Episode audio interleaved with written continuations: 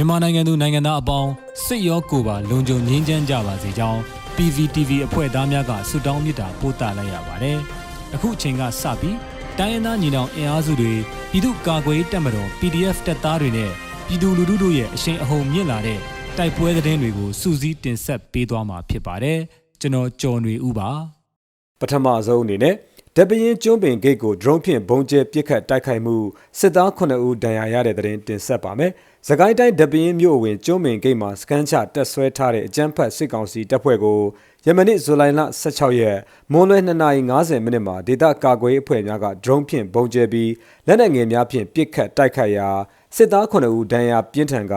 ကားများဖြင့်တည်ဆောင်သွားကြောင်းအာဏာရှင်တော်လှန်ရေးပြည်သူ့တပ်မတော် DRPA ကပြောပါတယ်။အဆိုပါဂိတ်ရှိစစ်ကောင်စီတပ်ဖွဲ့ဟာခီးသွွားပြည်သူများကိုလက်နက်ပြချင်းချောက်ခါအာဓမငွေတောင်းခံနေကြောင်းနဲ့၎င်းတပ်ဖွဲ့ကို DRPA FRF နဲ့မိုးဦးအဖွဲ့တို့ကပူးပေါင်းတိုက်ခိုက်ခဲ့ပြီးစစ်ကောင်စီတပ်ဖွဲ့ဘက်မှလက်နက်ကြီးလက်နက်ငယ်များဖြင့်ပြန်လည်တိုက်ခိုက်တော်လဲတော်လှန်ရေးအဖွဲ့များမှအထိကိမရှိစုခွာနိုင်ခဲ့ကြောင်းသိရှိရပါတယ်။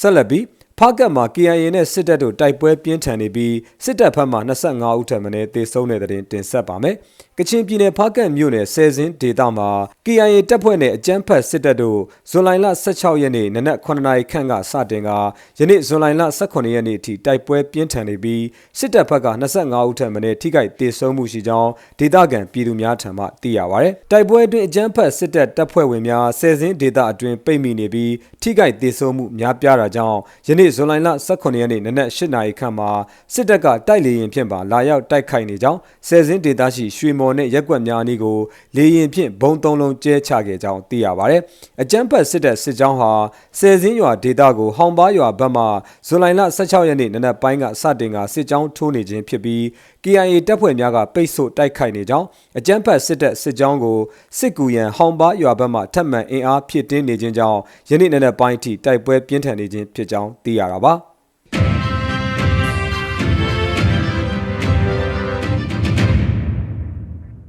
ဖရူဆိုဒေါ်လောကူကြေးရွာအတွင်းအများပြည်သူပိုင်ပစ္စည်းများဖောက်ထွင်းခိုးယူနေတဲ့အကြမ်းဖက်စစ်တပ်ကိုကရင်နီပူးပေါင်းတပ်ဖွဲ့ဝင်တိုက်ပြီးစစ်သားတအုပ်တေဆုံးကလက်နက်တလက်ရရှိတဲ့တင်ဆက်လက်တင်ဆက်ပါမယ်။ကရင်နီပြည်နယ်ဖရူဆိုမြို့နယ်ဒေါလုံးခုကြေးရွာအတွင်းရှိအများပြည်သူပိုင်နေအိမ်များကိုဖောက်ထွင်းဝင်ရောက်ခါပစ္စည်းများနဲ့အိမ်မွေးတိရစ္ဆာန်များကိုခိုးယူနေတဲ့အကြမ်းဖက်စစ်တပ်အားယမနေ့ဇူလိုင်လ16ရက်နေ့မှာကရင်နီတပ်မတော် KA နဲ့ကရင်နီအမျိုးသားများကာကွယ်ရေးတပ်ဖွဲ့ KNDF ကဝင်ရောက်တိုက်ခိုက်ရာစစ်သားတအုပ်တေဆုံးပြီး၎င်းထံမှတနက်တလက်ကိုရရှိခဲ့ကြောင်း KNDF ကသတင်းထုတ်ပြန်ပါတယ်။အများပြည်သူပိုင်ပစ္စည်းများကိုဖောက်ထွင်းခိုးယူနေတဲ့အကြမ်းဖက်စစ်ကောင်စီတပ်ဖွဲ့မှတပ်မ66လက်အောက်ခံတပ်ဖွဲ့များဖြစ်ပြီး KNDF ကဝင်ရောက်တိုက်ခိုက်ရာ10မိနစ်ခန့်တိုက်ပွဲဖြစ်ပွားကြောင်း KND တပ်ဖွဲ့ဘက်မှထိခိုက်မှုမရှိကြောင်းသိရှိရပါတယ်။ ဖရူဆိုမြို့အခြေဆိုင်အကျန်းဖတ်စစ်တပ်အမှတ်14တန်းမြင့်စစ်လေ့ကျင့်ရေးကျောင်းပတ်ပတ်လည်မှာလုံခြုံရေးယူထားတဲ့တပ်မ66တပ်ဖွဲ့ဝင်များဟာအနီးဝန်းကျင်ကြေးရွာများရှိအများပြည်သူနေအိမ်များကိုနေ့စဉ်ဝင်ရောက်ဖောက်ထွင်းကာတန်ဖိုးရှိပစ္စည်းများအိမ်မွေးတိရစ္ဆာန်များကိုခိုးယူစားတောက်နေကြောင်း KNDF ကသတင်းထုတ်ပြန်ပါတယ်။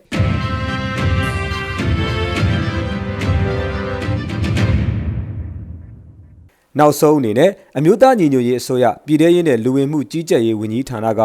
2022ခုနှစ်ဇွန်လ18ရက်ရက်စွဲနဲ့ထုတ်ပြန်ခဲ့တဲ့ပြည်သူ့ခုခံတော်လှန်စစ်တရင်အချက်လက်တွေကိုတင်ဆက်ပေးသွားမှာပါ။အာနာသိန်းအကြမ်းဖက်စေအုပ်စုရဲ့ပြည်သူလူထုအပေါ်အကြမ်းဖက်ဖိနှိပ်ဖန်ဆီးတိုက်ခိုက်တပ်ဖြတ်နေမှုများကိုပြည်သူလူထုတရက်လုံးကအသက်ရှင်တန်ရေးအတွက်မိမိကိုယ်ကိုမိမိခုခံကာကွယ်ပိုင်ခွင့်အရာပြည်သူခုခံစစ် People's Defensive War ကိုဆင်နွှဲလျက်ရှိပါတယ်။ တရင်အချက်လက်များအရ2022ခုနှစ်ဇွန်လ16ရက်စနေနေ့မှာစစ်ကောင်စီတပ်ဖွဲ့ဝင်10ဦးသေဆုံးပြီးထိခိုက်ဒဏ်ရာရရှိသူ14ဦးအထိခုခံတိုက်ခိုက်နိုင်ခဲ့ပါတယ်။စစ်အာဏာရှင်စနစ်မြမမြေပေါ်မှာအပြည့်တိုင်ချုပ်ငင်းရေးနဲ့ Federal Democracy တည်ဆောက်ရေးအတွက်ငြိမ်းချမ်းစွာဆန္ဒပြတဲ့လူထုတပိတ်တိုက်ပွဲများကပြည်내နဲ့တိုင်းဒေသကြီးများမှာဆက်လက်ဖြစ်ပွားပေါ်ပေါက်လျက်ရှိပါတယ်။မြေပြင်မှာတော့ယခုတွေ့ရတဲ့သတင်းအချက်အလက်များထက်ပို၍ဖြစ်ပွားနိုင်ပါတယ်ခင်ဗျာ။